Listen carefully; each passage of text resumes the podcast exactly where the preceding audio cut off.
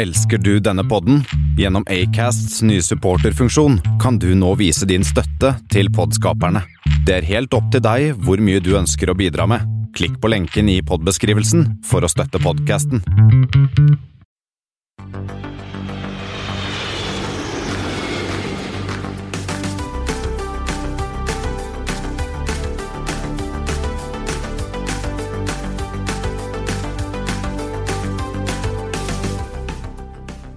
Hei, og velkommen om bord på flypodens flight 80, som vi denne gangen har gitt navnet Singapore Sling. Kommer litt tilbake til det senere.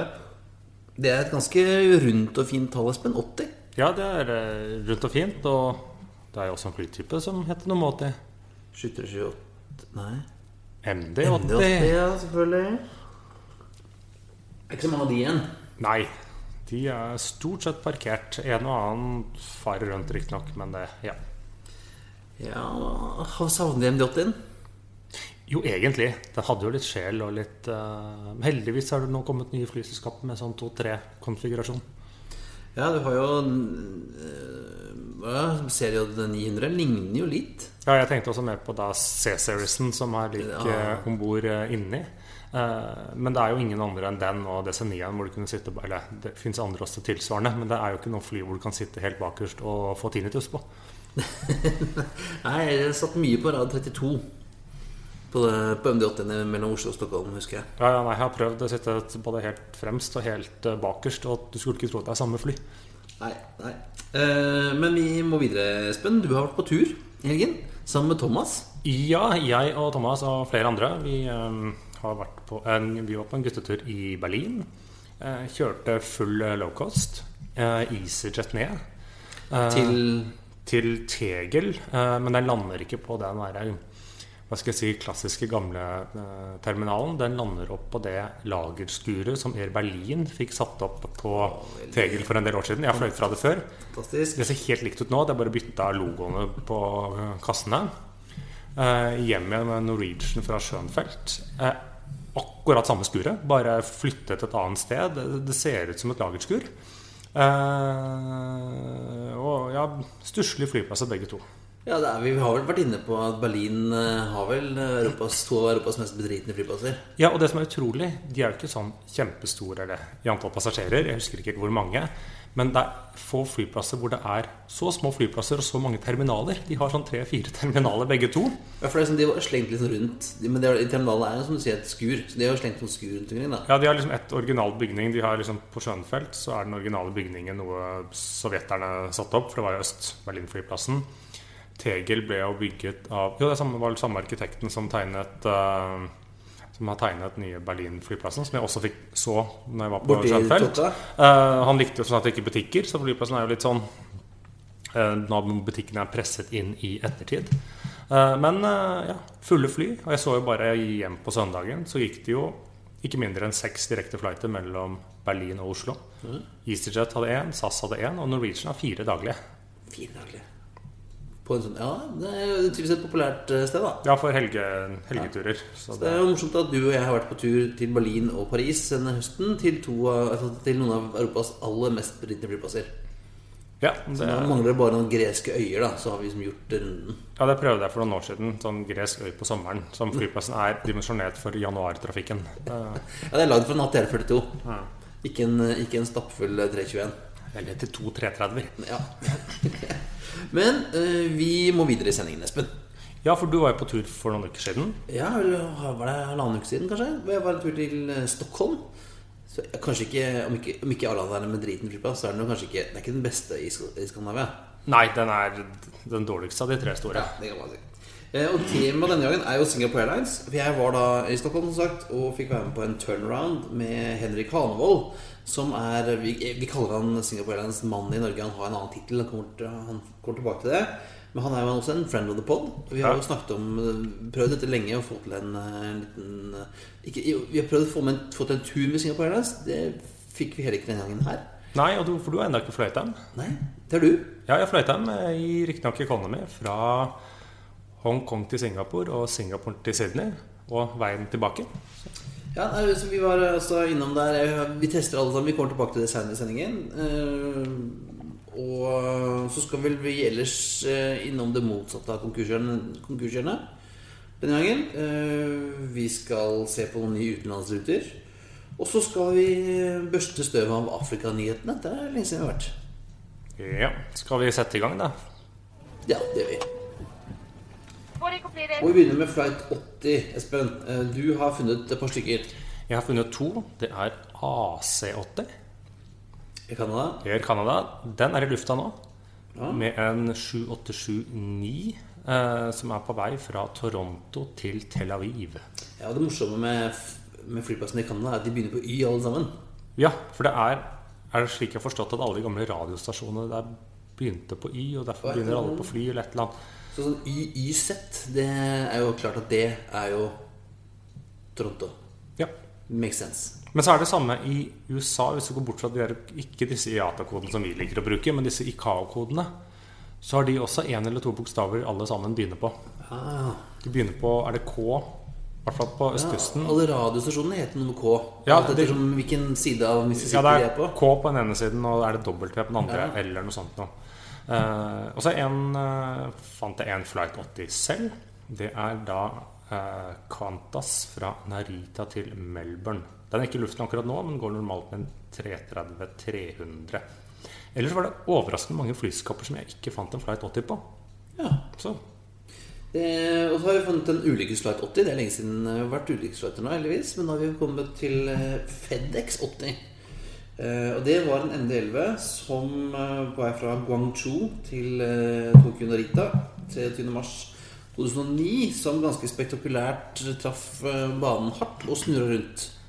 Ja, den tok rett og slett en loop eller en salto etter den landet. Og det er Det er ikke en eneste gang en MD11 har gjort det. For den er Nå kan nok noen øh, forklare dette litt grundigere, men når den er, er når den er tung, og når den skal lande, og da er center of gravity på den maskinen litt sånn tricky, og når det er litt mye crosswind, da skal man vite hva man gjør.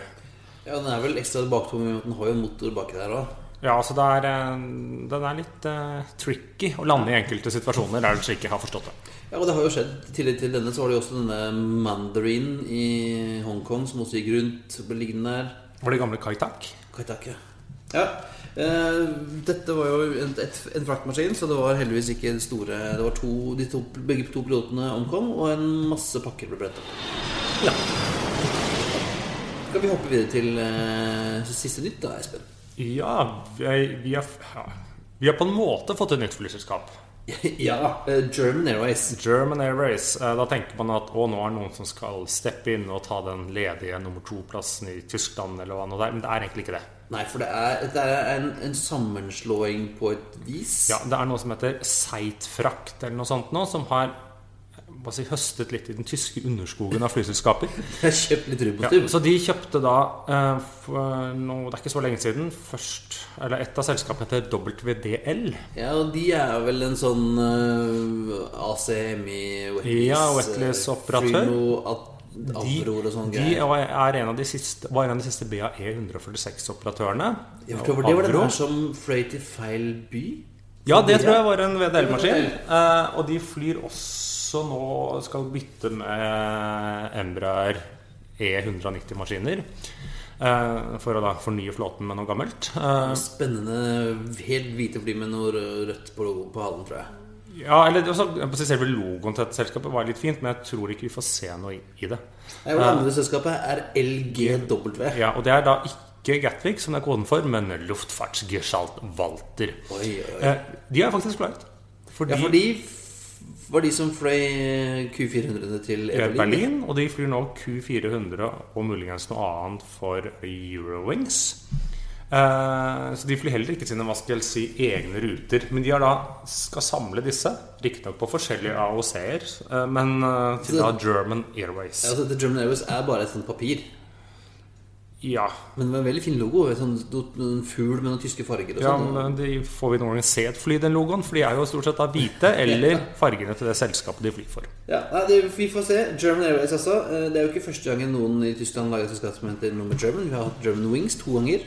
Vi har Germany Express, tror jeg. Og så har vi jo Lufthansa German Airlines, faktisk. Heter det vel fremdeles? Ja, muligens. Ja. Så gjør man, så gjør man. Ja. Ja. Og så skal vi Men vi hopper tilbake til Norge, Espen. For rett etter at vi spilte inn forrige ukes sending, så kom det noen spennende nyheter. Ja, det skjer alltid ting etter vi har satt inn uh, vår Eller spilt inn vår ukentlige sending. Men vi kan begynne med det som kanskje mest Som, som ligger vårt hjerte nærmest. Ja, det er da si, Widerøe og Bra. De, si, litt i samarbeid og sånne ting, eh, fant ut at Bromma Torp Der var det eh, en åpning. Ja, og de er jo da er de femte aktøren Eller det blir jo femte og sjette aktørene nå som skal forsøke seg å fly mellom da Stockholm og Sandefjord. Ja, for det er mange som prøvde før. Uten å helt fått til. Ryanair fløy i Skavstad, og så har det vel vært andre Widerøe har vært inne. Uh, Nextjet har vært inne. Og Gardair. Gardair har vel vært inne. Men det de gjør nå, de satser.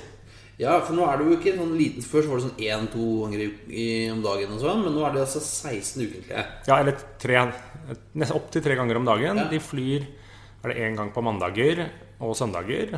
Og så stort sett tre ganger om dagen, bortsett fra ingen flighter på lørdag. Det gir jo mening.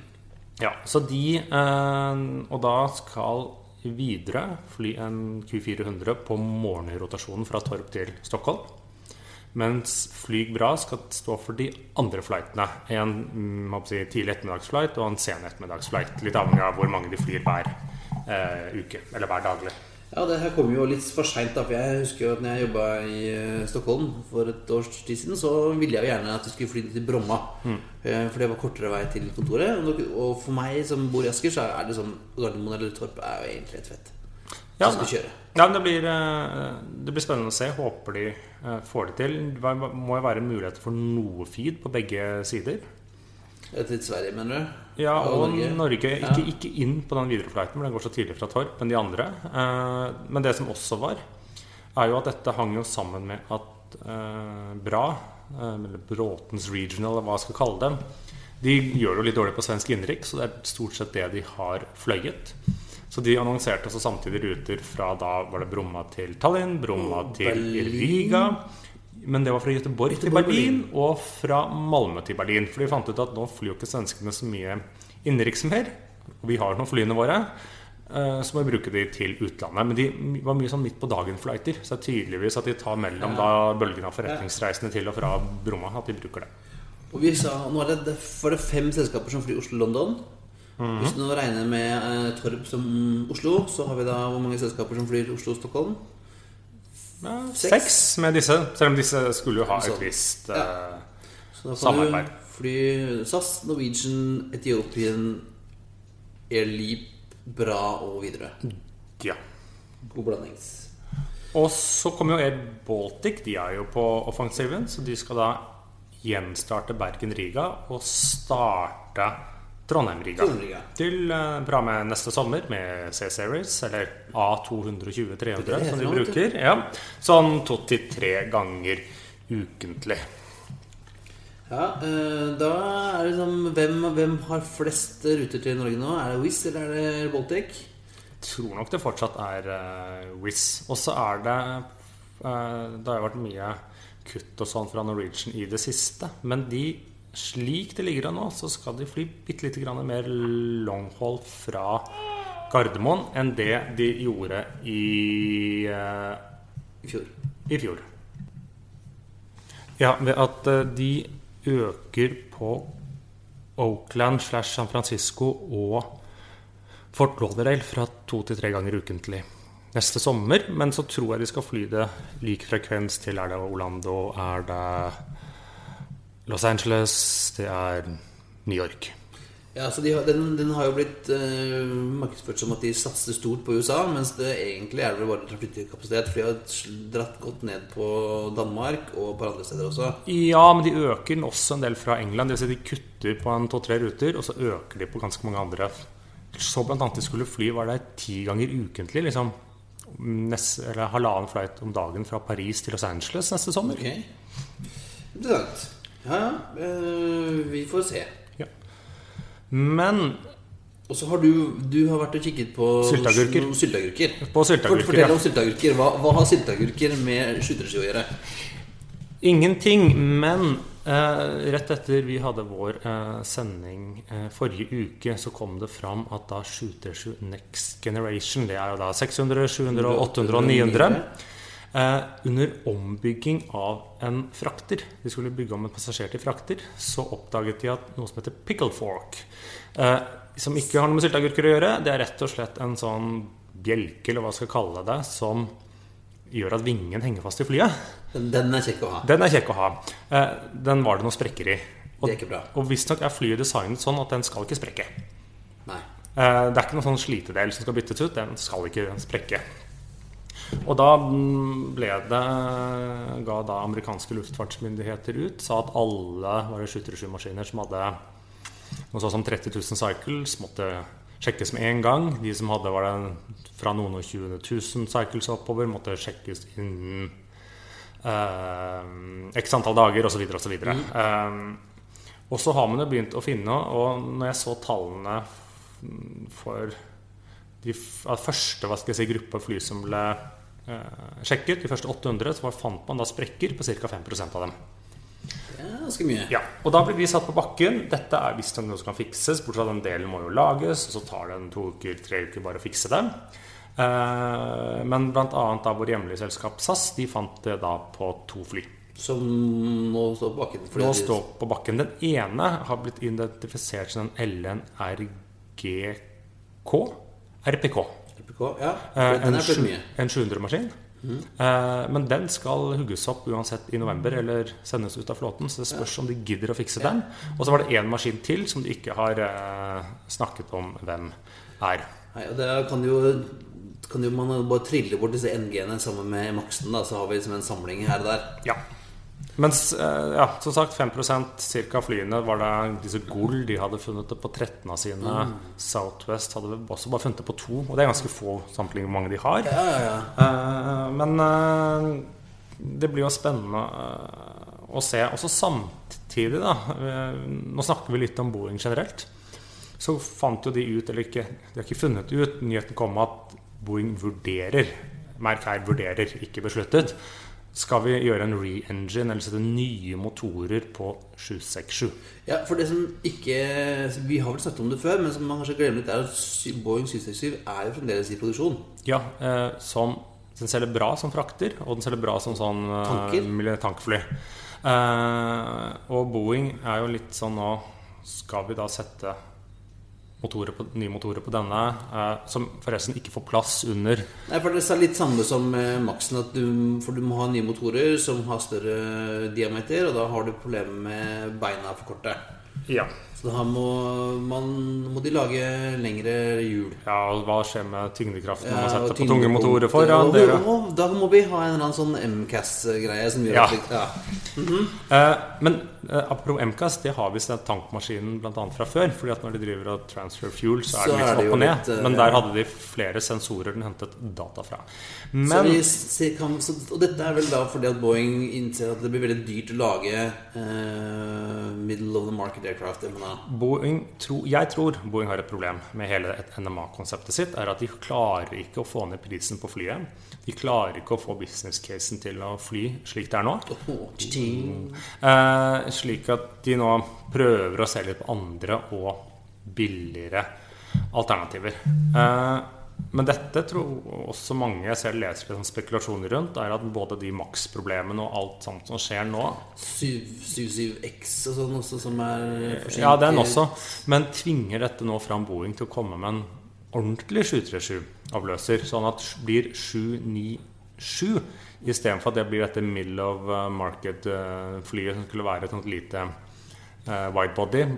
Trenger de faktisk nå en ny narrowbody som kan konkurrere effektivt med A320 Neo-serien, A220 Neo-serien og ikke minst eh, liksom få Boeing litt på offensiven der igjen. Og hva kaller vi den? Den kaller vi for F FSA, så er nå, eh, Future Small Aircraft. Ja, det De har i hvert fall hørt brukt forskjellig. Men det blir jo sånn spennende å se om alle nå Boeing sine problemer eh, faktisk tvinger dem til å eh, lage noe fra nytt. Eller lage et helt nytt fly, og ikke bare sminke grisen.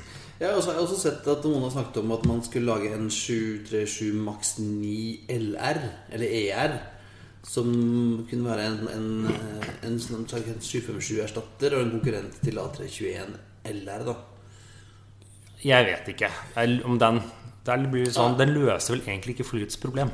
Nei, jeg gjør ikke det. Eh, og vi hadde jo håpet at det kom en MNA snart. Skulle jo lanseres i Paris eh, i, Skulle også. i år, men eh, Og du kan jo si den utsettes og utsettes, og Boeing snakker om at vi må ha et nytt fly i 2025. De klarer ikke å utvikle et fly på fem år. Og da har jeg ikke engang tatt med alle motorforsinkelsene som kommer når du får et nytt fly. Alt det andre.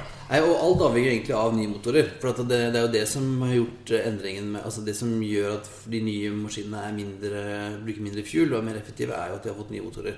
Ja, det er jo en av de viktigste Så det viktigste er egentlig Få kan Boeing få en ny motor til å slenge på en 767, så har de på en måte løst noe av problemet sitt. I, ja. På et vis. Og så er det jo sånn, noen kan spørre meg, kan man ikke bare Man hadde jo planlagt å bygge den 7873. Men den eh, løser jo heller ikke noe problem fordi at eh, Det er det ekstra kortet. Ja, vet du hva som er 787 Eller var da problemet med den 787-en? Nei, Den er for tung. for tung, ja. ja Hjelper ikke av kompositt at flykroppen er kompositt. Det er jo ikke det som eier. Det er ikke Nei, nei eh, det er altså bare å vente, da. På hva som skjer. Jeg tror at eh, det hjelper vel eh, når og hvis Boeing får eh, maks ned i lufta og blir kvitt alle de som står rundt omkring i, Washington, og eh, om de får løst dette spørsmålet rundt eh, 727 X8. F.eks. om Qantas bestiller de, så har på en måte den, det er jo den i orden. ja. Ja, moving on. Og hvis noen lyttere lurte på hva statusen er på Max, Ja, så står de. de står. Ja. Ja. Hun- Vi starter sendingen neste gang. Hva skjer? Max står de? Flyr de? Flyr de? Står de? Ja, de står. Kan lage sånn webside à la den der 'Har mannen falt?' Flyr Max? Ja? Nei. Er det helg? Ja, nei. Ja. Men eh, Christian, da skal vi til Afrikani hetene. Og hva har du å komme med der? Jo, eh, Etiopia er jo i vinden. Ikke bare har eh, statsministeren fått eh, fredsprisen, men de er jo fremdeles interessert i å kjøpe seg opp. Ethiopian Airlines er ute og kjøp, vil kjøpe mer flyselskaper. Eh, og nå er det så South African som de driver og snusser på, visstnok. Er det ikke forskjell på å kjøpe noe kontra å kaste penger etter noe? jo, du kan si det. South African er jo Både South African Airlines og SA Express er jo, blir jo nå omtalt som ikke going concerns. Altså Det vil si at de er jo egentlig ikke drivbare. Nei, i hvert fall ikke dagens Nei, Det er litt sånn som eh, da, da SAS fikk kjøpe Bråten i 2001, så var det fordi at selskapet da ikke var ansett som et going concern, og som alternativ til at SAS kjøpte var at de gikk konk. Så er det der vi står også med South African, er spørsmålet. Er det sånn, Må de kjøpes opp av, et, av Etiopien for å i hele tatt kunne leve? Har sånn at Verken SAA eller SA Express har klart å levere årsrapporten sin ennå. Det skulle de gjort eh, etter at de avsluttet regnskapsåret 31. mars. Eh, har heller ikke, heller ikke avholdt generalforsamling. Eh, nå har de fått utsatt fristen til det gjør det til mars 2020. Oi. Så det er altså Det er ikke bra. Det, holder, det går ikke bra i Sør-Afrika. I hvert fall ikke i luftfarten. Nei. Nei, det, ja, det er et par andre ting de også sliter med. Men uh, også var det vi har flere afrikaneter. Ja. Qatar Airways uh, er visstnok i samtaler om å kjøpe seg inn i tapsprosjektet Rwandair fra Rwanda. Ja, fordi at eh, myndighetene i Rwanda har De har ikke startet et nytt selskap, men de har vel restartet et, hvis vi kan kalle det sånn. Så de har bestilt A330 Neoer Ja, og og- jo CRJ 900. De fikk faktisk levert to stykker på rappen nå forrige uke, så jeg, så nå er de vel oppe i fire. og liksom prøver å bygge seg opp. til Kina og litt av hvert. Så de, Rwanda er jo også litt sånn veldig på hugget for som å bli et, et turistnasjon også. Vi husker vel kanskje Rwanda mest for blod og gørr og drap og, og sånn. Men eh, det er jo, de har jo disse fjellgorillaene sine, og visstnok veldig fint å dra på ferie i Rwanda. Ja, fordi, men de, her er det jo litt egentlig ikke at myndighetene vil bli kvitt et selskap. De ønsker å få inn flere investorer fordi at de ønsker egentlig å satse på det. Ja, og, og Qatar de trenger jo noe et, et, eh, et verktøy for å komme rundt, pun intended, eh, litt sånn slitsomme naboer. Eh, Og da kan jo eh, en, en stopp i Rwanda være en mulighet til å fly mer rundt i Afrika. Ja, så blir det spennende. Og så får da Etiopia en litt konkurranse om alle de flyskapene som de Ja, har kjøpt opp i Afrika. Ja, for de har jo også vært eh, snakket om at de har vært, Etiopien har også vært interessert i å kjøpe seg inn i rwandaer. Så dette kan også være et uh, spill fra myndighetene for å se om vi kan få flere til å slåss. Uh, vi kan kanskje få en budrunde. Budrunder er jo spennende. Men uh, nå går vi fra Afrika til et sted det lukter vondt. Ja eh, Har du hørt om durian, Espen? Ja, jeg har vært borti Asia der, jeg, Ja, har du spist durian? Nei, men jeg har så vidt luktet det. Ja, og det lukter Og så har jeg råtten mye ting som nå skal, pipe. Men ja. Ja, ja altså det er, durian er en, en frukt på, veldig populær i Asia. Uh, er visst veldig god, smak, lukter drit. Ja, og det står visst sånn der flere steder. Det er liksom durian no access, og kom ikke inn med den durian her. Det står sånne skilter på flere etablissementer borti Asia. Men det stoppet jo ikke noen smartinger fra å sende en eh, shipment med durian med Air Canada Rouge på øh? Montreal til Canada. Nei, Montreal til Vancouver. Eh, og det visste tydeligvis ikke crewet om, for på 7000 fot så erklærte de eh, en emergency og måtte nødlande. Ja, og det var tydeligvis ikke da helt riktig pakket, for det luktet rett og slett så vondt at eh, flyet snudde og dro tilbake til Montreal og måtte evakueres. Ja, fordi at det stinka så mye av denne frykten, altså. ja. Ja, jeg opplevde noe tilsvarende. Jeg, jeg, I SAS det der, så hadde vi en, en incident i London med et fly som måtte evakueres. For da var det en som hadde tatt, hadde tatt med seg denne Barbour eh, oilskin-jakken sin til London for å få den revokset. Og den luktet da så mye Død ku. ja, altså barbecue eller eh, bensin at den, eh, det var noen som var redd for at det var noen lekkasjer. Og måtte evakuere flyet i, på Heathrow. Nei, og jeg spurte jo også vår tidligere tidligere uh, nå Eh, i Widerøe ja, Hva sier Widerøes eh, operasjonelle prosedyre angående frakt av Dorian? Men de hadde ikke noen på det. Nei, Det er vel sjelden Det er vel kanskje ikke så mye Dorian eh, som frakter rundt på Widerøe-ruter, er? Nei, Jeg trua nå med å sende en til Berlevåg. Så Ja, det kan jo være litt fersk der oppe, altså. Men skal vi hoppe videre til ukens tema, Espen? ja, for du har vært og pratet med Henrik. Jeg har vært og pratet med Henrik, eh, og fikk lov til å møte den splitter nye 350-en. Jeg synes det var hyggelig at de, at de sendte en helt ny en. Du har vel ikke fløyet med 350 heller, du? Uh, nei, jeg har vært inne Dette er min andre jeg har vært inni og fått sittet i.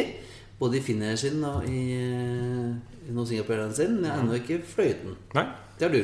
Ja, jeg fløy finner selv når de var på sånn Oslo-besøk eh, som deres tredje kommersielle tur med den. Ja, Da fikk jeg lov til å sitte i den. Men jeg fikk ikke lov til å være med. Men eh, vi satser på å komme sterkere tilbake når SAS skal sendes inn på runde rundt i Skandinavia. Det gjør vi. Men skal vi bare høre på intervjuet med, med Espen, sier jeg, med Henrik? Ja.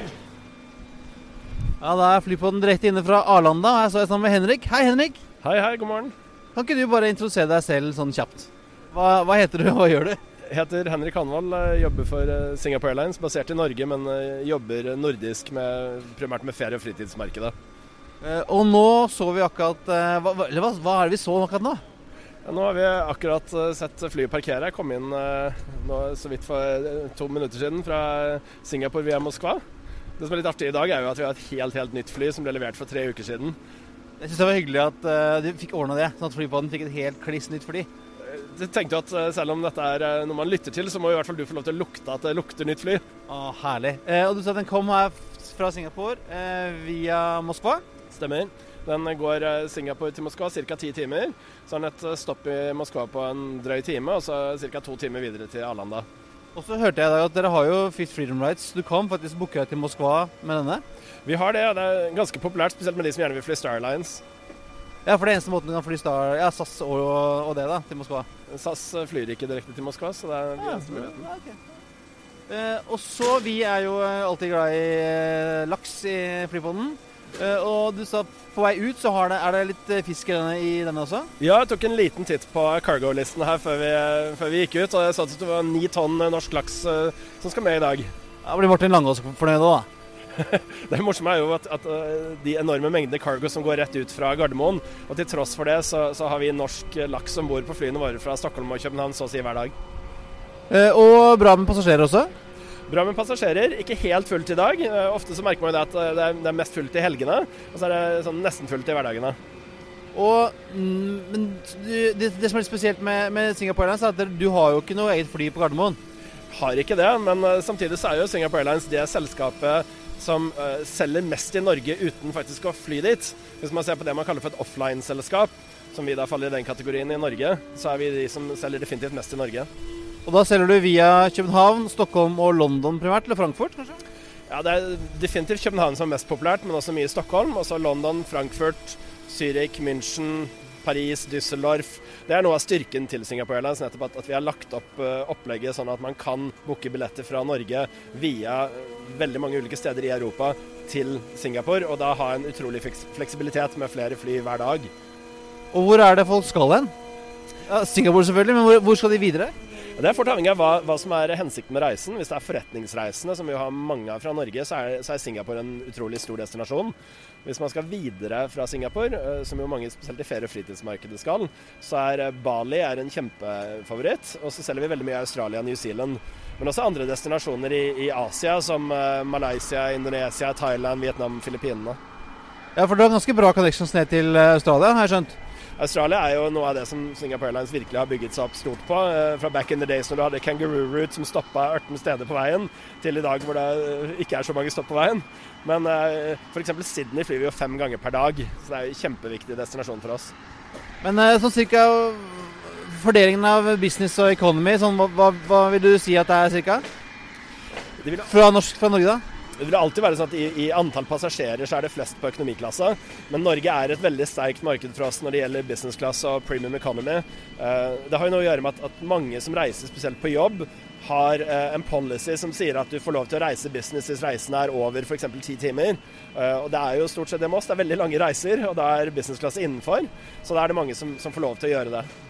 Også, eh, Vi snakket jo med Thai i forrige uke, og de sa også at de har en del passasjerer som reiser, i som reiser på ferie, men som reiser, velger å reise i business class. Eh, ser, ser dere det samme? Det er en trend som vi har sett gjennom, eh, gjennom noen år nå, at det er flere og flere som er ferie- og fritidsreisende som, som velger å kjøpe seg opp til businessklasse. Det er klart Prisnivået har kommet en del ned på businessklasse, og da har det blitt tilgjengelig for flere. og Når du først har reist businessklasse, så vil du jo ikke sitte bak lenger. Nei, Jeg har en datter som er sånn Hæ, skal vi gå til høyre? Det, det, det, det dette kan jeg ikke. Men eh, og, og dere har ganske gode priser, har jeg skjønt også, på, særlig sånn litt off-season. Ja, altså hvis man eh, klarer å planlegge litt utenfor de største skoleferiene og eh, hoppe på kampanjer, så kan man jo komme seg så langt som helt til, til Australia og New Zealand for rett over 20 000 i business. Og da er det et prisnivå som mange kan ta seg råd til hvis man velger å prioritere slik.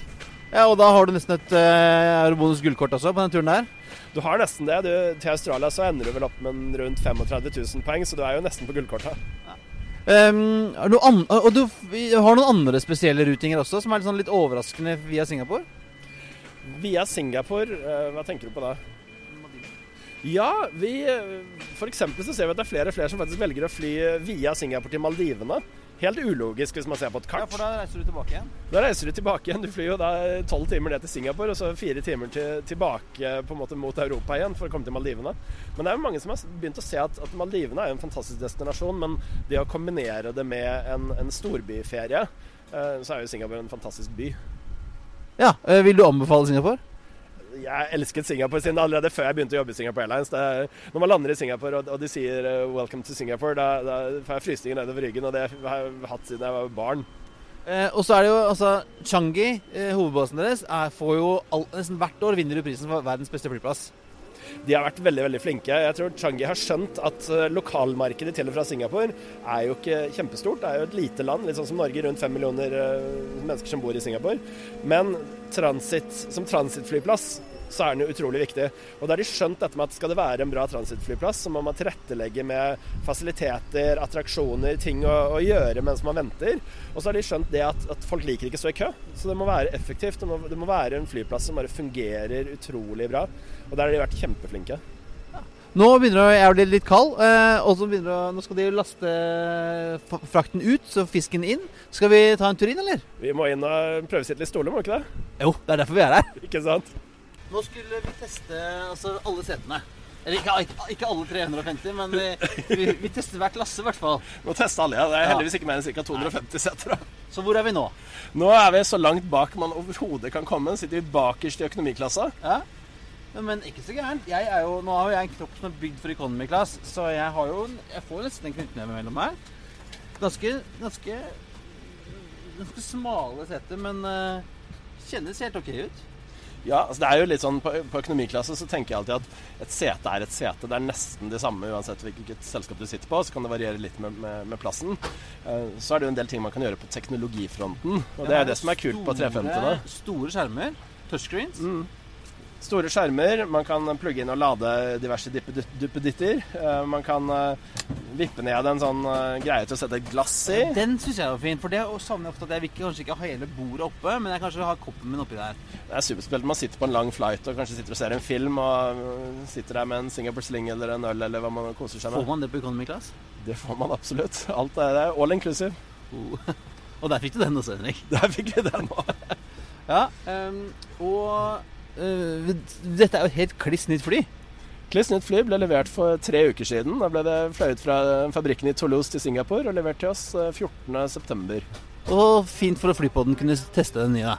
Vi måtte jo ha nytt fly til deg. Ja, det er hyggelig. Og så er det jo A350.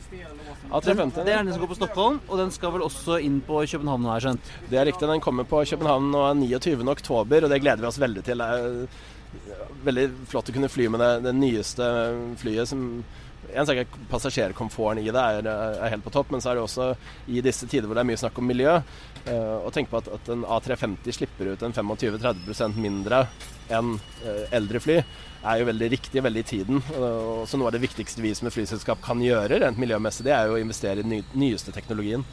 Ja, da fikk du den også, Henrik. Det var bra. Altså, Den ene pluggen etter den andre. Det er veldig bra. Eh, hva vil du si ellers om economy class på Singapore Airlines?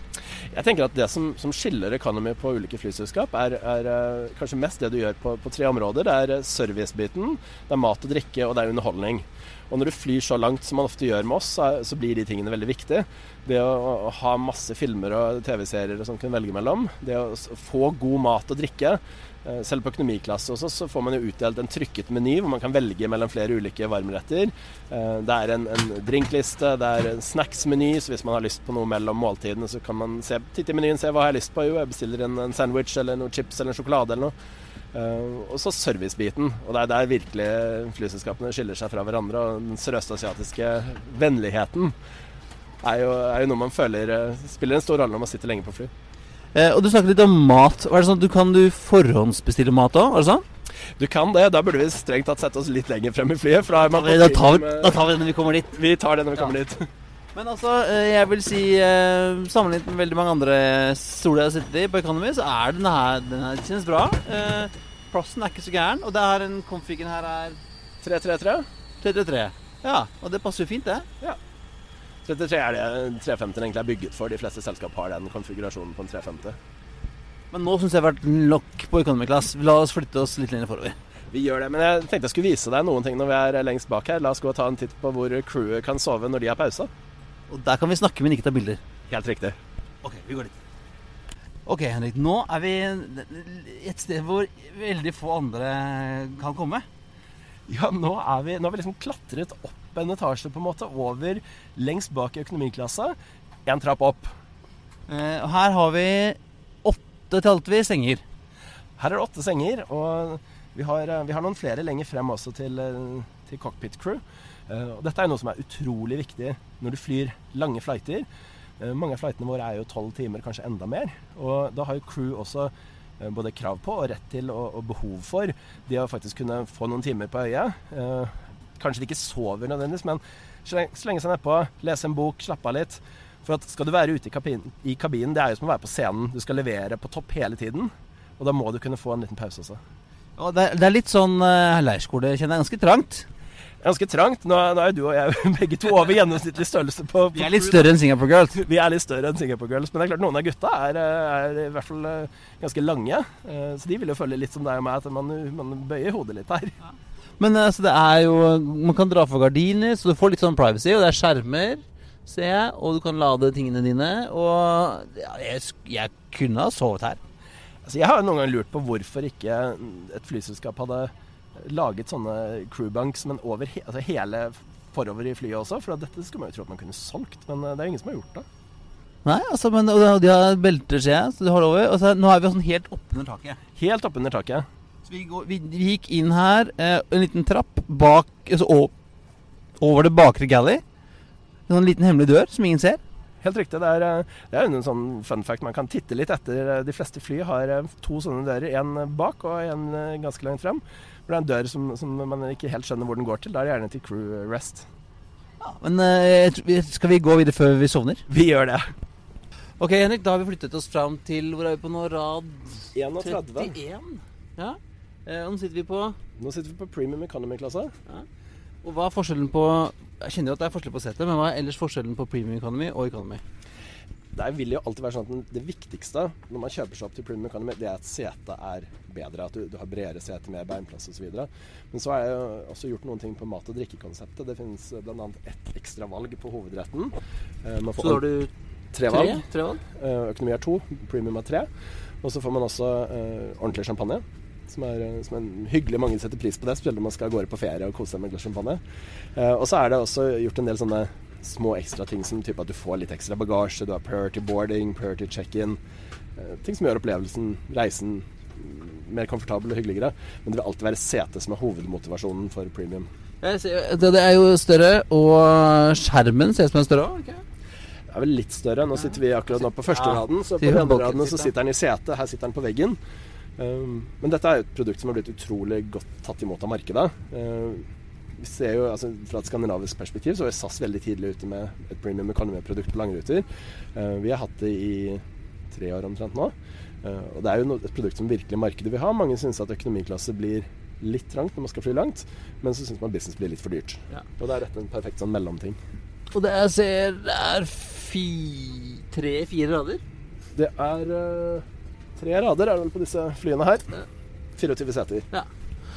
og et veldig populært produkt. Et veldig populært produkt. Absolutt. Er det her du kan forhåndsbestille mat?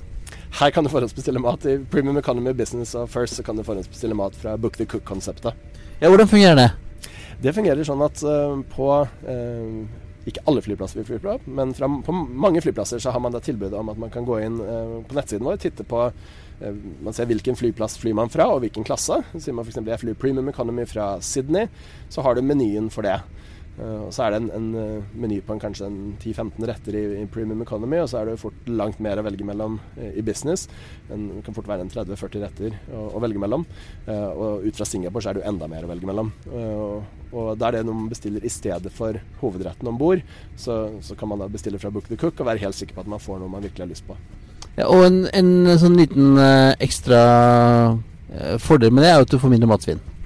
Definitivt. Eh, Det er jo et, konsept som i utgangspunktet som flyselskap det, er jo dyrt å levere individuelt tilpassede valg. Men det gjør at kundene blir mer fornøyde, og vi har mindre matsvinn. Så det er, det er en win-win-situasjon. Ja, og da kan du bestille hva som helst. Nesten. Nesten. det, ironiske er jo at, at eh, noe av det som faktisk er mest populært, er jo bl.a. å bestille en burger.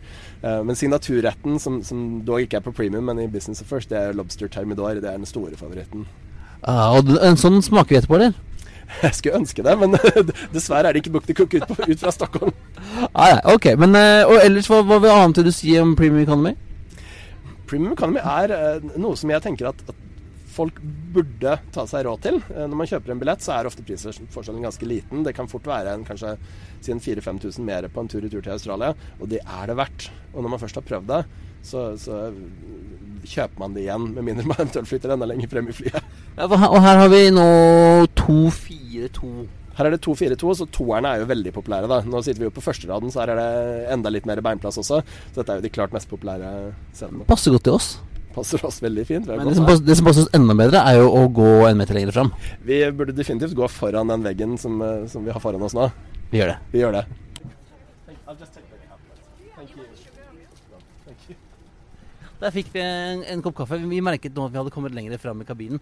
Vi merket at vi hadde kommet lenger frem i kabinen. Det er morgen, og vi satte oss i business, og de kom og spurte om vi ville ha en kaffe. Uh, og det som faktisk er litt morsomt, er at vi sitter her med, med sånne takeaway-kopper. Eh, og det er det ikke mange som vet at vi har om bord. Uh, det er en ganske kul greie at man kan få kaffen i en takeaway-kopp, som er smart hvis det er turbulens f.eks.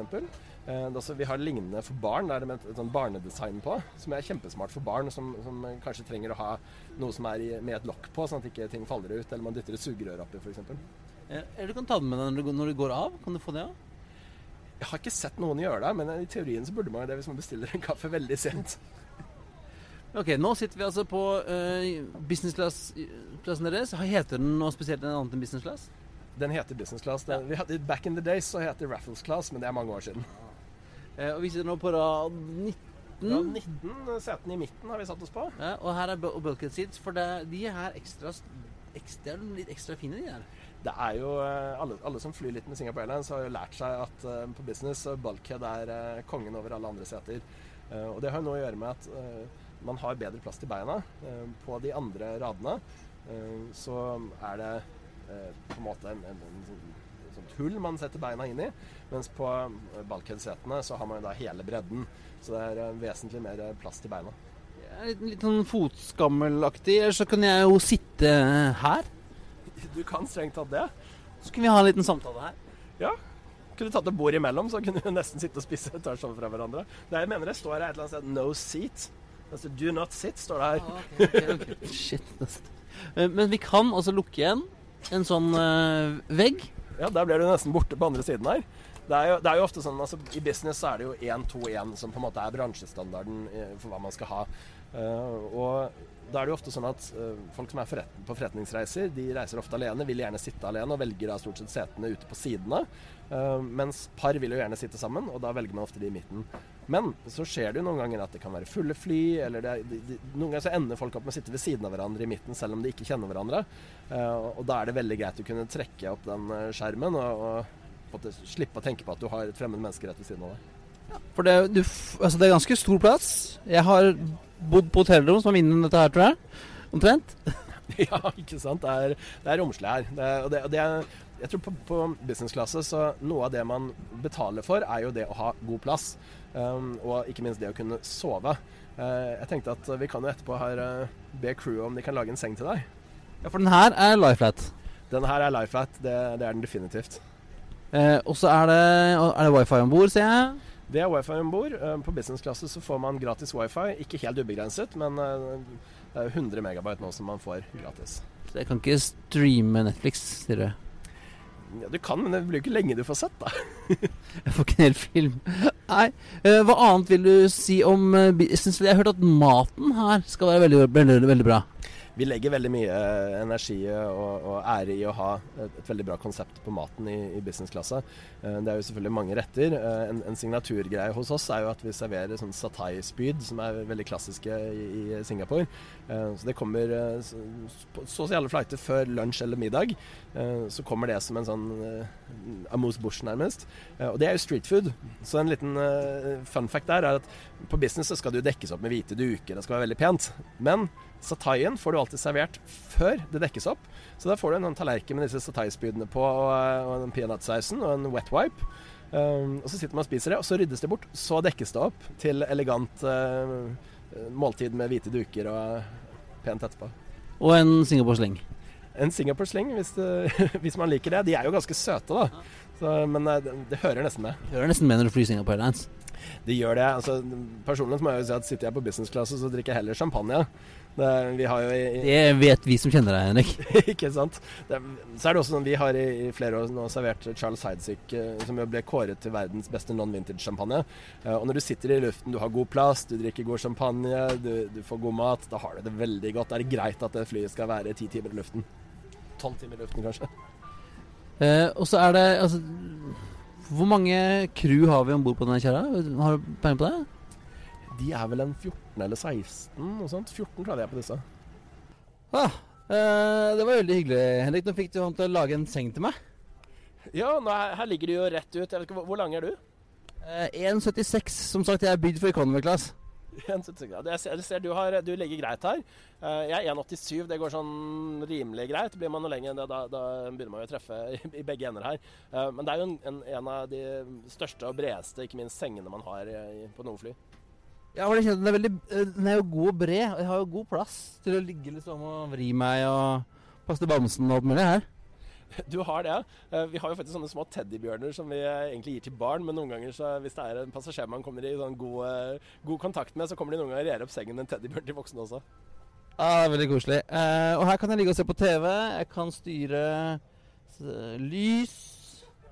Jeg har lys der. Jeg har et bord. Ja.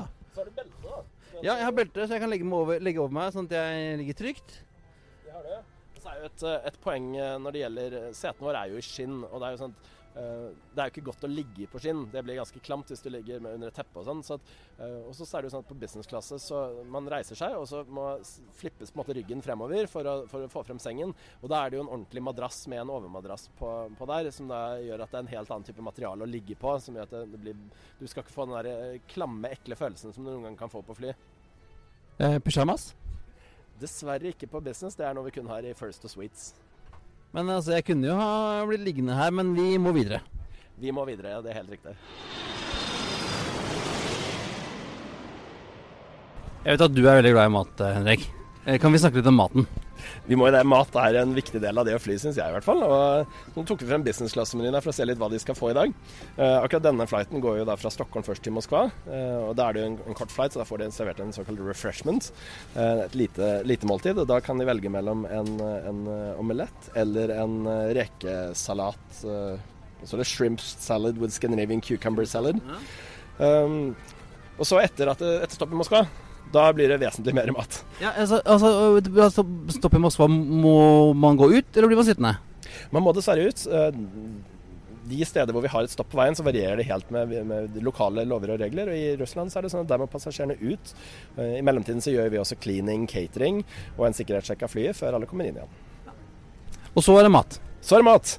Her ser jeg at på denne flighten så får de da servert til forrett, så er det laks. Kan du gjette hvor den kom fra? Eh, så har de Har du vært nedi og henta den i Belly? Jeg skulle nesten tro det, men den er nok catera ikke fra Belly. Um, så har de fire valg på hovedretten. Her ser jeg at det er noe kyllingbryst med noe urter. Uh, og så er det en sjømatrett med noe ja, sortert sjømat med Pasta? pasta og skalldyr. Linguine her, jeg ser. Så er det en, en thailandsk eh, beef curry. Eh, og så er det også en stir-fried pork uh, med, som er servert med ris. Og vi prøver jo å ha alltid både vestlige og asiatiske retter. Uh, så er det to, to desserter å velge mellom. Da er det mm, maple walnut-isen til Mövenpick, som mange er veldig glad i. Ja, den er god. Den er så god. Eh, og så er det en, en Russian Napoleon cake. Det skulle nesten bare mangle at det var en russisk touch her også på menyen. Eh, og så serveres da osten til slutt. Og får noen ganger spørsmål om hvorfor kommer osten etter desserten, for det er jo sjelden sånn vi gjør det. Vanligvis er det andre veien. ja, vanligvis er det andre veien. Eh, det, det måtte jeg gjøre litt research på, faktisk, for å finne ut av hva, hvorfor gjør vi det. Eh, grunnen til det er at Singapore har jo vært en britisk koloni. Og i britisk mattradisjon så serveres osten til slutt. Ah, selvfølgelig. Så er det også i denne menyen så er det jo frokost neste morgen med frukt og, musli og sånne ting. Og så kan de da velge mellom en eggesufflé eller noe stekt eh, sånn risnudler. Eller eh, blinier med mascarponeost og friske bær. Og så er det jo da en kjempestor Og masse vin. Masse vin. Her har vi eh, champagne, en chablis, eh, to ulike chablis her faktisk. En Sauvignon Blanc fra New Zealand. Det er eh, eh, Bordeaux-rødvin. Det er eh, en, eh, en Malbec fra Argentina her. En italiensk rødvin. eh, En Chianti. Så er det portvin. eh, Masse ulike velge mellom. Og så en cocktailliste. Og hva står øverst der, Christian? Der står Singapore Sling. Der står selvfølgelig Singapore Sling. Det skulle bare mangle. Eller står Bloody Mary står som nummer to her. Det er jo en sånn evig flyklassiker. Nei, hvis det, jeg, aldri, jeg har aldri fått smaken på den greia. Helt ærlig, ikke jeg heller. Men det er noe med at smaksløkene endrer seg i luften. Og det er noe folk sier de liker Bloody Mary i luften, men ikke på bakken. Det er vel en sånn eh, hangover-drikk, er det ikke det? Ja, det har jeg også hørt. Eh, noe som også er morsomt på mat- og drikkesiden, det er jo kaffe. Eh, og, og kaffe er jo viktig for oss i Europa. I Asia så er de ofte mer opptatt av te. Så vi må jo da selvfølgelig ha mye av begge deler. Så vi har jo et samarbeid med Illy når det gjelder kaffen. Eh, så er det jo ulike single origin-kaffer. Vi er fra Guatemala, Brasil, Etiopia. Eh, vi har ulike espresso-varianter. Man kan selvfølgelig få cappuccino, caffè latte, iskaffe osv. Og så er det jo da et kjempestort utvalg av te. Og det liker jeg som er, som er tedrikker. Du er tedrikker, så kult. Vi har TWG som leverer te til oss, og da er det 14 ulike typer te. Oi. Og, og det er ikke pose, tenker jeg. Det er poser, men de er sånne små uh, bomullsposer som er håndsydde. Åh, nydelig. Det, det er, de ser faktisk ganske fine ut når du får de. Ja, det var maten. Jeg ble nesten sulten. Ja, det er, uh, det er, mye å velge mellom. Det som er uh, faktisk litt gøy, er jo at selv om vi har to store måltider, så er det jo mange som i hvert fall noen som plutselig får lyst på enda mer å spise. Uh, og da har vi også en sånn uh, liten sånn snackmeny, da, hvor man kan bestille bl.a. nudler og sandwicher og sånne ting. Så hvis man virkelig skal spise seg fra Stockholm til uh, Singapore, så har man jo da først et måltid til, til, Moskva. Så har du lunsjen ut fra Moskva, så kan du da bestille noen nudler eller sandwich eller noe, så en, en svær frokost før landing. og ruller man ut av flyet. Jeg har en god venn av meg som pleier når han flyr business å spørre om han kan få ikke bare én, men alle choicene. det skjer innimellom det. Eh, vi har alltid litt ekstra catering, eh, men det er selvfølgelig avhengig av hva andre har valgt, og at det er nok. Han er alltid god til Han flørter med alt og alle, så han pleier alltid å få alt, både dobbelt opp av mat og dessert. Høres smart ut. Det, det, det, han har skjønt, er jo det at hvis du er hyggelig mot folk i serviceindustrien, så er de hyggelige tilbake. Så det er ofte veldig greit å være smilende og hyggelig med crew, for da får man stort sett en hyggeligere tur. Det var dagens tips fra Henrik. Det tror jeg er dagens tips eh, til alt som gjelder serviceindustrien. Smil til mennesker, smil, smil, folk smiler tilbake til deg. Da plinga det. Skal vi gå videre, da? Vi gjør det. En ting vi glemte å snakke om, Henrik, er jo uh, amenity kit. Amenity kit er et sånn uh, interessant punkt. Uh, Singapore Airlines gir jo ikke ut noe amenity kits i business. Uh, og Det er en avgjørelse vi tok for ganske mange år siden. for det man ser er at det skaper noe vanvittig med søppel. Eh, så det vi gjør er at alle de tingene du vanligvis finner i et amenity kit, de har vi om bord. Eh, det vi deler ut til passasjerene er tøfler, sokker og sånt jeg har foran eh, øynene. Men alle andre ting som type tannbørste, barbersaker, håndkrem, sånne ting, det er på toalettene. Så alt finnes om bord. Men vi deler det ikke ut til alle. for ser, Hvis man går av et fly som, som har amenity kits, det ligger igjen noe så vanvittig mye på flyene, og alt skal jo bare kastes. Ja, ellers så er det noen sånn som meg som går og grabber til seg det de finner, da, selvfølgelig. Det er alltid noen som gjør det, eh, og vi får kommentarer fra, fra folk som syns det er synd at vi ikke har det. Men så, når de fleste tenker seg om, så skjønner man at det er egentlig veldig fornuftig, ikke minst fra et miljøperspektiv. Smart, Henrik. Det her er en av de smarte tingene man kan gjøre. Litt sånn som Book the Cook også, når folk eh, bestiller ting, og så vet vi hva det er, og så reduserer du matsvinnet. Again, we kindly ask you to have your passport and boarding card ready for inspection at the gate. We thank you for choosing to fly with Singapore today. We want to wish you a pleasant flight. Ja, Henrik, da var uh, flighten sendt av gårde? Ja, det er, fly godt, eh, er på vei godt til Moskva nå, videre til Singapore. Ja. Var, vi, vi rakk jo å se den uh, taxi ut, og vi så den tok av. Og det er jo en uh, er jo et nydelig fly. Det var litt gøy. Vi sto der begge to og så den tok av. Det, det er noe med, jeg tror det er, det er vingene og, og, disse winglettene som er så elegant uh, oppover. det ser flott ut. SAS 350 taxa akkurat forbi. Jeg klarte å ta bilde av der de to winglettene møttes, og det er jo noe annet. Ja, 340 og 350? Ja, ja, ja. Helt forskjellig. Men jeg tenkte vi um, Jeg som kjenner deg følger deg på sosiale medier, Henrik, jeg tenker at din jobb går ut på å drikke champagne. For det ser jeg det mye av i, feeden min. Men hva gjør en Hva du kalte deg jobben din? var? Jobben min har endret seg litt siden jeg begynte ja. i Singapore Airlines for seks år siden. Da hadde jeg ansvar for Norge og, og, alt som skjedde i Norge. Og da var du alene? Nei, vi var to. Da, da, da var to men nå, nå, er du alene i Norge? Nå er jeg alene i Norge. Min, min kollega Ola gikk av med pensjon for et års tid siden. Og eh, da ble den stillingen erstattet i København i stedet, så nå er jeg den eneste som sitter i Norge. Ja, Og ansvar for leisure-trafikken? Ja, jeg har ansvar for, for ferie- og fritidsmarkedet nordisk. Så det betyr nå at nå har jeg masse kunder i Danmark og Sverige også. Så det er derfor jeg er mye ute og reiser. Og, og når jeg legger ut ting i sosiale medier, så er det veldig ofte eh, når jeg er på reise. Eh, det er klart at man velger jo hva man, hva man legger ut. Ja. Da blir det litt sånn. Eh, og, og, da, og de, du snakker med da, er jo da reisebyråer og turoperatører og sånn, eller? Ja, det er mitt, mitt, hovedfokusområde. Og det er jo sånn at for Singapore Airlines er reisebyråleddet utrolig viktig. Eh, og, og de turoperatørene vi jobber med, eh, er veldig viktige partnere for oss. Og klart at Mange av reisene med Singapore Airlines er det er kompliserte reiser. Man skal til Australia, reise rundt i tre uker, eller man skal kjøre hele New Zealand fra sør til nord eller nord til sør. Eh, rundreiser i Indonesia. Det er ofte kompliserte reiser, og da er det smart å bruke et reisebyrå. Eh, skal du tur i tur i Singapore og være der i tre dager, så kan man på en måte fikse ting selv. Ja. Men, men de kompliserte reisene så ber folk om hjelp, og ofte så er det sånn med oss. da. Ja, og, og litt, Vi snakket jo med Thai for en stund siden også. Det var også mye at fremdeles mye turreparatører og mye at folk kjøper pakkereiser fordi at det er sånn, det er Asia, og du sier det er kompliserte reiser. Man skal eh, kanskje ikke bare point to point, du skal til et annet sted. og kombinasjoner og sånn, så da er det kanskje mer naturlig at man har et, et reisebyrå eller en turrapportør med. da. Ja, altså ta, ta et, et, et, typisk eksempel er uh, Australia, som veldig mange reiser med, med Singapore Airlines til Australia. Og Si at du går på nettet, da, så finner du kanskje på at du booker deg selv tur i tur Sydney. Mens den gode reisen til Australia, det er jo å fly inn til ett sted, og så fly litt rundt i Australia, og så fly hjem fra et annet sted. Så si at man flyr inn til uh, Perth eller Adelaide f.eks., og så flyr man hjem igjen fra Brisbane eller Cairns. Og så har man kanskje en tre-fire flighter imellom der med, med, Virgin Australia, som vi eier en del av og har et tett samarbeid med. Uh, så man kan booke da en billett som kanskje har åtte-ti flighter i én billett. Og dette kan et reisebyrå sy sammen enkelt og få alt i én billett og én pris, mens, mens, på nettet så får du det ikke til. Nei, fremdeles ikke. Fremdeles ikke. Det, det, det, begynner å bli veldig komplisert når du får flere ulike selskap i. En, en typisk reise fra Norge starter jo med SAS, Widerøe, eh, Lufthansa, eh, Swiss eh, eller KLM, en, en, av våre partnere ut fra Norge. Og så skal du videre på Singapore Airlines. Og så har du kanskje da i andre enden, når du har reist halve jorda rundt, så har du Virgin Australia eller, eller um, Air New Zealand inni mm. billetten. Så det er kompliserte billetter. Ja. Vi toucha litt på Når vi starta i dag, så snakket vi om hvor alle norske passasjerer reiser til. Men, men de kommer jo fra litt forskjellige steder. Jeg hørte jo når vi båla at det var noen som kom fra Trondheim.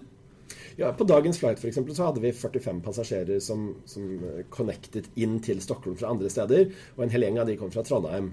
Um, vi ser jo fra Norge Norge er et sånt land som, som singaporeanerne de forstår ikke helt dette med at det er så mange byer i et tross alt relativt lite land. så er det mange de har jo bare én. de har bare én. Og så, så, begynner man å forklare hvordan Norge henger sammen. At vi har vesentlige markeder fordelt liksom, på Oslo, Stavanger, Bergen, Kristiansand, Trondheim osv. Så, uh, fra Norge så, så, har vi bygget opp nettverket vårt på den måten at, at mange byer har gode forbindelser til København. Men f.eks. fra Trondheim så er egentlig forbindelsen Trondheim-Stockholm videre med oss. Ja, men kanskje litt mer naturlig å fly rett eh, øst? Liksom. Funker veldig fint. Eh, så har vi også Si at man starter reisen sin i Ålesund. Da, så kan man jo fly med, med, KLM til Amsterdam og så ut med oss. Eh, så det er mange varianter av å starte fra Norge. Og det at det er viktige markeder som ikke er i hovedstaden, det tar en stund for, for singaporeanerne å forstå. Ja, og særlig olje og shipping fra Stavanger vest Eh, Vestlandet over til Singapore er jo er sikkert mye. Definitivt. Og, og Sørlandet også. Men da er det ikke så mye annet for meg Henrik, enn å si eh, takk for en morsom formiddag. Både du og, og, teamet her i Stockholm tok jo godt vare på flypodden i dag. Det er jo morsomt. Det er, det er jo sånn, dette er nesten som å jobbe med en hobby. Stor glede å få lov til å ta med deg på besøk om bord på flyet vårt. Ja, og jeg, prøvde jo Jeg hørte jo at det var en som ikke møtte opp, som skulle sitte på business. Jeg prøvde jo å komme meg på, men jeg ble, ble nekta i døra. Ja, De aksepterte ikke helt at du het Mr. No-Show. Nei. It's in my passport! Mr. No-Show! Ja. Hadde gjør seg. Nei, men Det var veldig, veldig veldig hyggelig, og tusen takk for uh, at, vi, at, du inviterte oss, Henrik. Det takk for at du ville komme. Kjempegøy. Og så ja, også, vi er jo fremdeles åpne for å bli med på den Singapore-New York-flighten. Vi har snakket mye om den. Det hadde gjort seg. Det er, det er, jo en del nordmenn som flyr med den. men Det er, det er klart det er ikke kjempevolumer, men det er, det er, en del nordmenn der. Ja, Så neste gang så, så, så tar vi den, da, eller? Burde ta den. da, 19 timer om bord. Det blir mye champagne og hummer. Tusen takk, Henrik. Takk selv. Ja, Det var gøy. Det var dumt du ikke fikk være med, Espen. Ja, nei, det var, det var uh, synd. Da var jeg litt uh, Ikke alltid jeg klarer å stikke av gårde fra hjemmebane når man er i pappaperm. Men uh, det så ut som dere hadde det trivelig, og hørtes ut som dere hadde det trivelig. Ah, det var veldig trivelig. Vi fikk jo servert kaffe og lagd seng og alt mulig rart. Så det eh, Og jeg la, jo noen sånne Kaste opp noen, noen, baller til Henrik. Så det er bare han Du kan bare invitere oss på tur, Henrik. Vi må prøve de greiene i lufta òg. Ja, det er jo absolutt å anbefale. Men apropos anbefaling. Henrik får lov til å anbefale noe nå, gjør han ikke det? Jo, Henrik, hva er ukens anbefaling? Ukens anbefaling må bli å ta et par dager i Singapore hvis man flyr med oss og skal videre ut i verden. Ta et par dager i Singapore. Det er en fantastisk by, ikke minst hvis man er veldig glad i mat. Og den Der har jo heller ikke du vært. Nei, jeg har ikke det. Det har du. Det har jeg vært, i, og jeg, jeg er litt enig. Jeg syns Singapore er en fascinerende by. Fra rent flyperspektiv så har de jo verdens beste flyplass. Den, Den er utrolig. Og nå har de jo bygget noen sånne hengende hager og alt mulig rart siden sist gang jeg var der. Og så er det en Du kan jo si det er kanskje ikke en typisk asiatisk by, det er, men det er bare Det er veldig fint å kombinere. La oss si du kombinerer med et eller annet sted i Asia hvor det er litt mye armer og bein, og det er litt kaos, og det er litt rart. Og så kommer du til Singapore hvor alt fungerer, alt er på stell. Og ja, masse god mat. Gatekjøkkenmaten er helt fantastisk. Sitter på stygge plaststoler og eter fantastisk mat. Som, sånne spyd som eh, Ja, F.eks. på spyd, eller sånn kokt det selv i noen greier som sitter og bobler foran deg. og sånne ting Gå på Spise indisk mat fra bananbladskall og Ja, det er, Singapore står på lista. Jeg har faktisk mer lyst til å dra til Singapore enn til Thailand. For å være helt ærlig De kan kombineres. Ja. Så kan alle bli fornøyde. Ja, ok, så eh, Henrik eh, og Ploy eh, det her er- vet dere hva dere, hva dere skal gjøre. Men eh, det var det. Eh, Det var det. Det er på tide å feste setebeltet, rette opp solryggen og sikre fri sitte ut av vinduet ettersom flight 80 er på vei til landing. Som alltid finner du linker og bilder, masse bilder fra og litt video også fra mm, Singapore Airlines i Stockholm, i hvert fall. På flypodden.no. Finn oss på facebook.com slash flypodden, på flypodden eh, på Twitter og Instagram. Og hvis du vil sende oss en hilsen, gjør du det på hallo at flypodden.no. Og vi pleier å si ha det bra gjør vi alltid. Men jeg lærte jo da av Henriks eh, svenske kollega at det er litt rart å si ha det bra. Bra er sånn hm, dagom, liksom. Så hennes eh, av- avskjed var alltid ha det best. Ha det best, ja. Da sier vi Så, det. eh, som til ære for Maria fra Singapore Airlines i Stockholm Ha det ha det best. best! We thank you for flying with us today. We truly appreciate your business and look forward to serving you on a future flight.